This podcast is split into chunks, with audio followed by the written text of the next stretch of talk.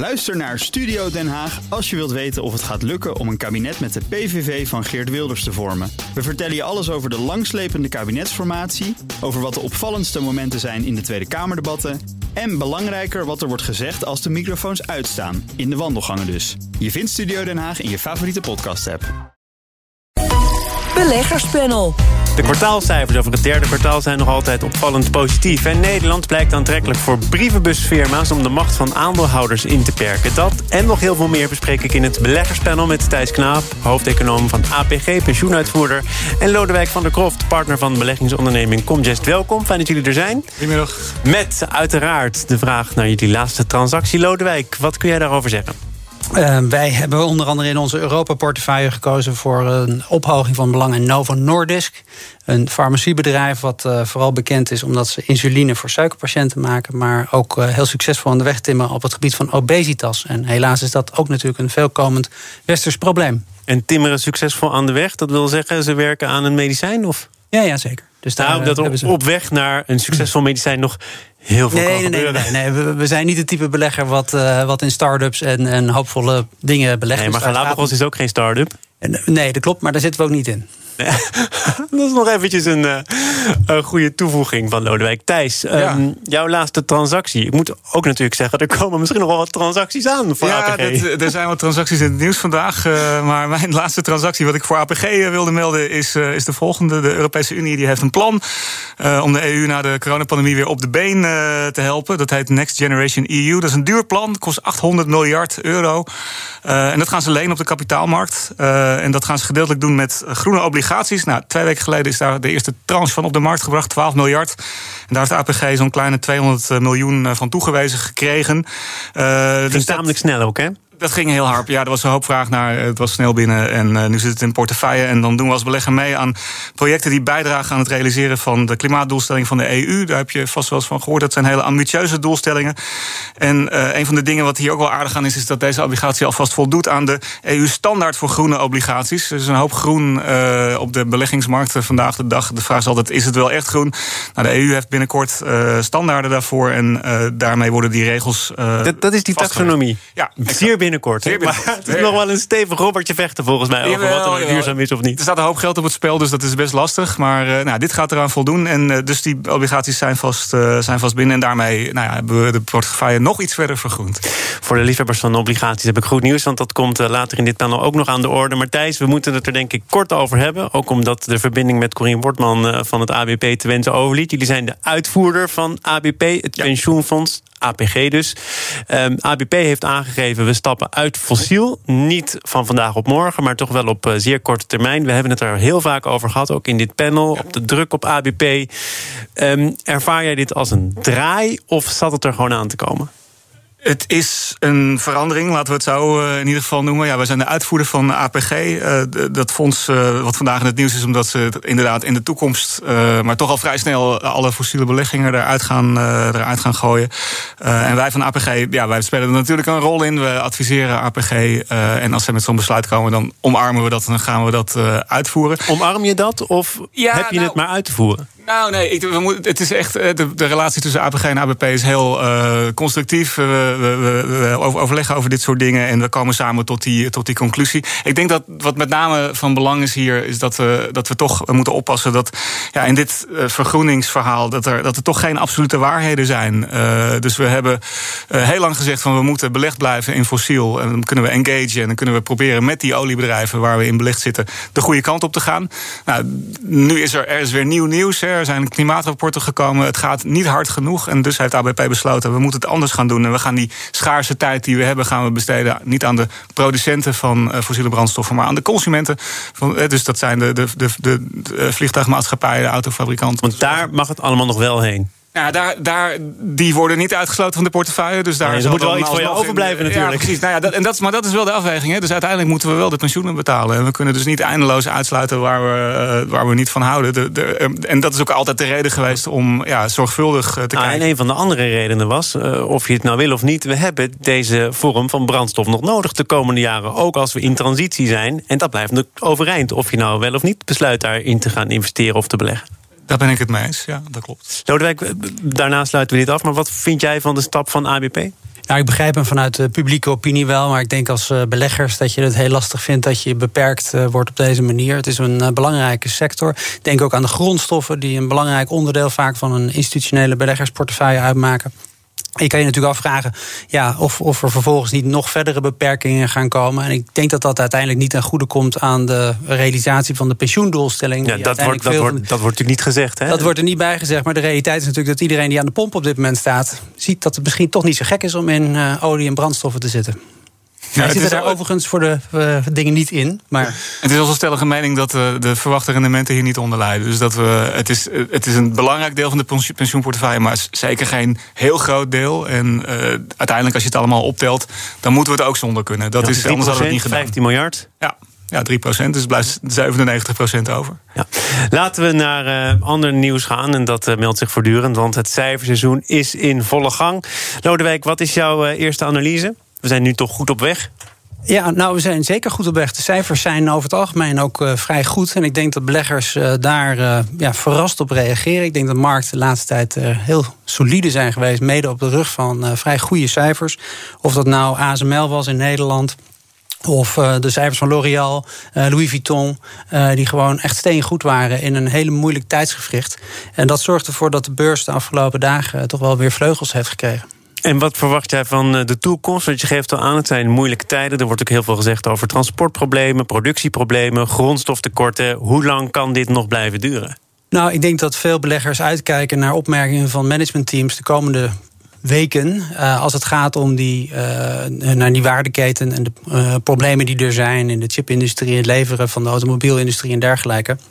Um, volgens mij, toen ik hier uh, ruim een maand geleden was, uh, zei ik dat ik een Volkswagen Golf heb besteld. Nou, ik kreeg een telefoontje dat waarschijnlijk die auto, die had ik besteld in juni, waarschijnlijk wel voor het eind van het jaar geleverd Zo, zou kunnen bofgoed. Dus uh, ja. om maar even aan te geven dat de problemen zijn zeker nog niet weg. Er zijn ook wel bedrijven die omdat heel veel dingen duurder worden, te maken krijgen, Thijs, met, met uh, druk op de marge natuurlijk. Hè. Dus die hebben dan onvoldoende, volgens mij moet je dat in jargon pricing power noemen, om dat uh, door te rekenen aan klanten. Ja. Zie jij veel bedrijven op dat vlak al in de problemen komen? Ik moet zeggen dat uh, heel veel van de bedrijven waar je dat zou verwachten nog niet gerapporteerd hebben. We zijn nog aan het begin van het cijferseizoen. Maar er zijn eigenlijk twee dingen aan de hand die uh, in de golf van Lodewijk heel mooi worden samengevat. Want bedrijven hebben uh, grondstoffen nodig, daar kunnen ze niet genoeg van krijgen.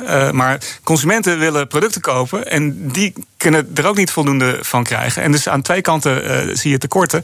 En als je dan kijkt naar de marge, dan zie je eigenlijk dat bedrijven ja, toch klanten tegenover zich vinden die zo graag willen kopen dat ze die marges zoals het nu lijkt, in stand kunnen houden. Dus dat ze inderdaad uh, de prijzen, de hogere prijzen die ze moeten rekenen, kunnen doorberekenen aan de klanten.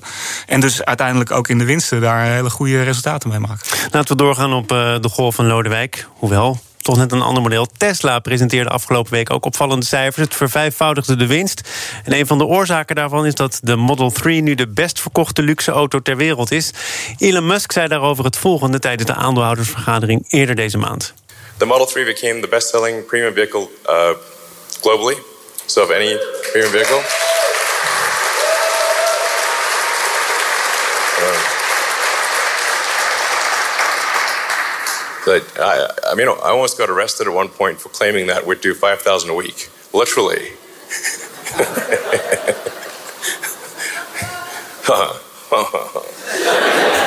You're laughing now. Ja, dat laatste is misschien ook wel tekenend voor Elon Musk. Het blijft een interessante topman, laten we het maar zo zeggen. Maar je kunt wel zeggen dat Tesla het lek boven heeft. Er is heel veel gezegd over de productiecapaciteit van Tesla... en of verliezen op papier niet werden weggewerkt... met de handel in emissierechten. En nu kun je zeggen, ja, it pays off. Het, het werkt. Of ben ik nu al te voortvarend en te snel, Lodewijk? Nou nee, Tesla heeft uh, een fenomenale ontwikkeling doorgemaakt. En critici die heel lang uh, short zaten, die hebben dat uh, moeten ja, betalen door de neus. Um, ja, gisteren was het eergisteren dat Hertz aangaf dat ze voor 4,2 miljard aan Tesla's gingen kopen. Tegen een prijs die volgens mij ja, dicht tegen de gewone retailprijs aanzat. Dus zoveel korting kregen ze niet op die deal van 4,2 miljard. Dus uh, qua pricing power zit het klaarblijkelijk wel en goed. Ze zijn door de waardering van een biljoen heen geknald. Ja, en de totale marktcapitalisatiestijging door het bekendmaken van deze orde was 119 miljard. Nou, dat is natuurlijk vrij uniek. En dat is een beetje het probleem wat veel nou, serieuze beleggers toch nog vaak hebben met Tesla. Dat ja, de verhouding tussen de totale omzet en de marktkapitalisatie echt wel zoek is. Nog even naar uh, bedrijven die uh, andere problemen kennen. Facebook kwam uh, ook met cijfers. Dat valt niet tegen, hoewel wel zichtbaar wordt dat ze minder hebben verdiend met advertenties. Ook omdat gebruikers daar nu actief toestemming voor moeten geven. Maar er waren ook analisten die dachten, nou, die schandalen en het gebrek aan daadkracht van Facebook om op te treden, te, treden tegen alles wat misgaat, dat zul je toch een keer terug gaan zien. Thijs, niet dus. Ja, dat hangt er natuurlijk nog wel boven het hoofd. Er is nog niks gebeurd. Er kan uh, ingegrepen worden door de, door de regelgever. En ja, dat moeten we nog maar zien. Ik denk dat wat op dit moment het, het aantrekkelijk is aan Facebook... is dat het een heel oncyclisch bedrijf is. Dus we hebben die hele uh, neergang en weer opgang gehad. En daardoorheen heeft Facebook het gewoon fantastisch gedaan. Uh, de groeicijfers ten, groeicijfers ten opzichte van vier kwartalen geleden... waren niet eens zo heel hoog, omdat ze gewoon de hele tijd doorgedraaid hebben. En ja, in deze onzekere tijden is dat voor beleggers wel een heel prettig kenmerk. Het is nog wel onzeker of we het in de toekomst ook Facebook kunnen blijven noemen. Want er wordt gespeculeerd uh, dat er een naamswijziging zal komen. Ja, wat betekent dat? Ja, niet zoveel. Kijk, we hebben het uh, ook altijd nog over Alphabet, het moederbedrijf van Google. Ja, ja, ja. Uh, dat zijn ze toch nooit helemaal kwijtgeraakt. Dat zou je misschien met Facebook ook wel hebben. Um, ik vermoed, ik heb niet zo heel veel verstand van internet, hè, maar de, de, de, er moet een jongere doelgroep aangesproken worden. Dat met wel verstand met, van internet. Ja, precies. Met een, met, een, met een nieuwe naam gaat het altijd beter. Want uh, vader en moeder zitten op Facebook. En, nou ja, dus ik snap het wel, maar het zal denk ik weinig uitmaken. het is natuurlijk ook veel meer dan Facebook. Het is Instagram, WhatsApp en dergelijke die uh, onder een jongere generatie, in ieder geval jonger dan wij hier in de studio, uh, toch een stuk populairder zijn. Dus uh, vanuit dat perspectief begrijp ik het wel. En het maakt het ook misschien makkelijker om op, even, op enig moment het negatieve nieuws rond Facebook kwijt te raken op, op holdingniveau door de naam te veranderen. Laat ons het hebben over zaken die ook wel eens populairder zijn geweest: obligaties. BNR Nieuwsradio. Zaken doen. Thomas van Zeil. De gast is het eh, beleggerspanel Thijs Knaap, hoofdeconoom van APG... en Lodewijk van der Kroft, partner van beleggingsonderneming Comgest. Beleggers ruilen obligaties massaal in voor cash... concluderen analisten van de Bank of America. Dat zou vooral komen door de stijgende inflatie... en de verwachting van een hogere rente. Hier staan eh, mensen in de studio die niks van obligaties moeten hebben... namelijk Lodewijk en Thijs, die, ja, of die nou wil of niet... toch wel met die obligaties te maken zal hebben. Um, waarom is het voor jou sowieso niks, Lodewijk? Nou, ik zit in een aantal beleggingscommissies uh, van, uh, van organisaties die in obligaties kunnen beleggen, maar ze hoeven daar niet in te beleggen. En juist in deze omgeving is beleggen in obligaties niet heel aantrekkelijk. Dus de enige reden, uh, reden waarom wij er nog in zitten, is omdat je een soort van buffer wil hebben voor het geval dat die beurs een enorme correctie doormaakt. Maar we zien het niet meer als bron van rendement. Kun je nog even kort uitleggen waarom dat enthousiasme onder beleggers tanende is voor obligaties? Nou, Wat is het mechanisme? Nou, het mechanisme is dat uh, koersen van obligaties heel hard zijn opgelopen, waardoor de rendementen op obligaties heel hard zijn gedaald. In Nederland is dat zelfs negatief op een gegeven moment geworden, onder de 0 procent. Nou, dat krijgen veel uh, mensen met geld bij de banken op een gegeven moment uh, ook. Nou, dat is heel vervelend. Dus waarom zou je de moeite doen om belegd te zijn in obligaties als je daar een negatief rendement op maakt? Ondertussen is die nominale rente, want zo noem je dat, is wat opgelopen. Die zit nu rond de 0% voor 10 jaar rente in Nederland. Maar de reële rente is nog steeds diep negatief. Thijs, ja. jij zult toch wel moeten. Want, uh, je jullie... hier binnen met een verhaal over 200 miljoen aan obligaties Daarom. gekocht hebben. Ja. En dat ging nog in een recordtijd ook. Dus obligaties heb je kennelijk ook in alle soorten en maten. En zelfs ook nog wel obligaties die wel gewild zijn. Maar nog even naar jouw speelveld. Want volgens mij, als je kijkt naar de portefeuille die jij beheert, dan, dan moet je ook wel in obligaties zitten, toch? Dat is gewoon dus... een soort verplichting. Wij werken voor pensioenfondsen en uh, daar is inderdaad regelgeving. Je kan niet te veel risico nemen en obligaties staan te boeken als, als redelijk risicoloos. Maar los daarvan zijn er eigenlijk twee redenen waarom je nu nog een beetje in obligaties belegd wilt zijn. Een daarvan is, Lodewijk noemde het net al, als de rente omlaag gaat, dan maak je een heel goed rendement op obligaties. Dan worden ze meer waard. En de kans dat de rente nog verder uh, omlaag gaat, is altijd uh, groter dan nul. Het kan gebeuren, vooral als het elders tegen zit. Hè. Dus als de uh, aandelenmarkt instort, dan zie je toch dat beleggers maar vaak... de rente die nog verder naar beneden gaat, het is toch eigenlijk realistischer om te verwachten dat die niet naar beneden gaat, maar iets omhoog gaat? Dat is een verwachting, maar je moet niet alleen op je verwachting beleggen, maar ook op de risicoscenario's. En in, in een risicoscenario kan de rente best nog wel naar beneden. En het zou niet gek zijn, we hebben het twintig jaar lang zien dalen, dus dat kan best nog uh, een stukje verder. Het andere stuk van de pensioenfondsen is natuurlijk dat de pensioenfondsverplichtingen, de bedragen die je uit moet betalen, dat is ook een soort van obligatie. Dus als je dat aan twee kanten van de balans hebt, dan heb je een soort natuurlijke hedge. Uh, en uh, ja, dus het, het aanhouden van obligaties voor pensioenfondsen is altijd een heel natuurlijk iets geweest. Vroeger was het 100% obligatie nou, daar zijn we al heel ver vanaf. Maar ik denk niet dat we helemaal zonder kunnen. Wat gaat dit nu precies betekenen, deze afnemende interesse in obligaties voor overheden en voor bedrijven? He, er kwam uh, al naar voren het voorbeeld van Triodos, dat het uh, niet kon bolwerken omdat er nou eenmaal te weinig animo is.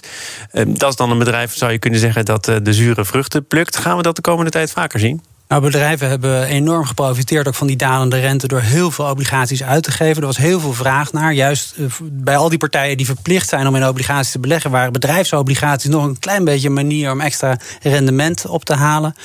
En ja, het feit dat dat bij Triodos niet lukte, het kan niet anders te maken hebben met het feit dat de rente die beleggers wilden hebben van Triodos. Want er zitten toch wel een aantal risico's zitten er bij Triodos in, die ook belicht zijn in het Financieel Dagblad uh, een aantal weken geleden. Uh, kan een belangrijke verklaring zijn waarom het daar niet lukte. Om dus dan moet je gewoon meer rente bieden. Inderdaad. Is het zo simpel? Ja, dat zou ook mijn antwoord zijn. Dus, dus vraag en aanbod. Als het vraag terugvalt en het aanbod blijft bestaan, dan moet de prijs omhoog. En dat betekent, of dan moet de prijs. Nou ja, je snapt nee, het. De rente moet omhoog. Ja, ja dat was in ieder geval Maar dat is de specifieke casus van Triodos. Ook nog even mijn vraag voor Lodewijk aan jou. Weinig enthousiasme, minder enthousiasme. Wat gaan bedrijven en overheden daar op de wat langere termijn van merken? Nou, uiteindelijk is het zo dat bedrijven kijken naar de rente en dan bedenken van kunnen wij de dingen die we willen uh, goed financieren. En als de rente inderdaad verder zou gaan stijgen, dan, dan leidt dat er onvermijdelijk toe dat bedrijven zullen besluiten van nou ja, die uitbreiding moeten we misschien maar niet doen als het zoveel kost om het uh, te financieren. En dat is ook ja, de natuurlijke rol die rente in de economie speelt. Het reguleert hoeveel groei er, er komt. Nou begrijp ik overigens, want ik leer ook elke dag bij dat er ook nog weer obligaties zijn met een ingebouwde inflatiebescherming, waarbij de couponrente is gekoppeld aan een consumentenprijsindex. Heb je dan het probleem ondervangen? Ja, dat is een floating rate note, heet dat. Uh, dat is een variabele rentevergoeding die achteraf wordt uh, bepaald. En uh, dat is heel interessant voor pensioenfondsen met name. Alleen is de Nederlandse overheid tot op heden... corrigeer me als ik het verkeerd zeg, Thijs... maar volgens mij de Nederlandse overheid is heel terughoudend geweest... met uitgeven van dat soort obligaties. Terwijl dat juist voor die Nederlandse pensioenfondsen heel handig zou zijn. die Italianen die doen het al wel wat langer. Ja, correct. Over de Italianen gesproken. Nederland is erg in trek bij buitenlandse bedrijven die de macht van hun aandeelhouders willen beperken. Ze hebben hier de vrijheid om verschillende aandelen een ander stemrecht te geven. En uh, dat is vooral populair onder Italiaanse bedrijven, schreef het FD eerder deze week.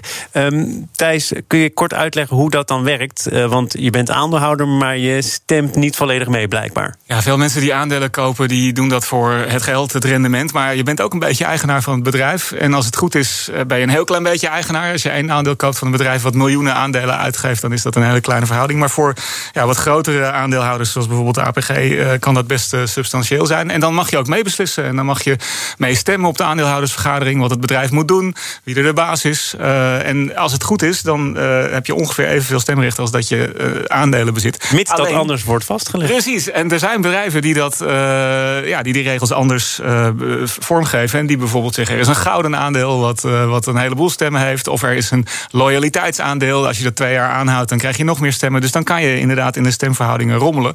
Dat laat de Nederlandse wet uh, toe. En uh, een heleboel andere landen uh, die vinden dat minder geschikt. En daarom komen veel bedrijven naar Nederland toe om dat hier zo te regelen. Maar Thijs noemt het rommelen. Je hebt inderdaad bijvoorbeeld een andere aandelenstructuur voor loyale aandeelhouders.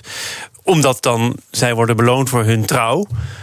Daar kun je toch nog best een redelijk verhaal over ophouden. Ja, dat is het ook. Uh, ik denk dat DSM heeft in het verleden ook geprobeerd om, uh, om zoiets dergelijks op te tuigen. L'Oréal heeft het heel succesvol gedaan in Frankrijk. 2014 zijn in Frankrijk en Italië zijn er uh, mogelijkheden ontstaan om trouwe aandeelhouders een hoger dividend te geven.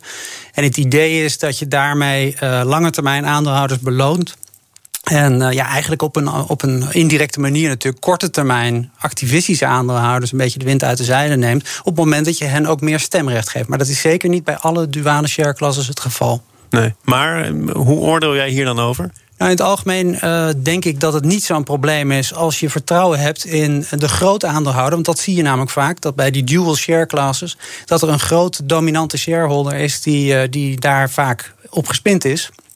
En dat is prima, uh, zolang je maar vertrouwen hebt in management. Kijk, uh, het is net als met uh, dictators. als je zo op een gegeven moment vanaf moet, dan wordt het een probleem. Um, en, en dat is bij dit soort bedrijfsstructuren ook het geval. Thijs, ik zie jou knikken. Ja, maar dat is niet omdat ik het ermee eens ben hoor. Dus, oh, ik werd even op het verkeerde been gezet. Nee, dus wij leggen heel veel geld aan aandelen, maar we zijn over het algemeen toch de minderheidsaandeelhouder in veel, in veel bedrijven. En wij zijn niet zo kapot van het idee dat er een andere partij is die nog meer te zeggen heeft, ondanks dat ze minder geld uh, inbrengen.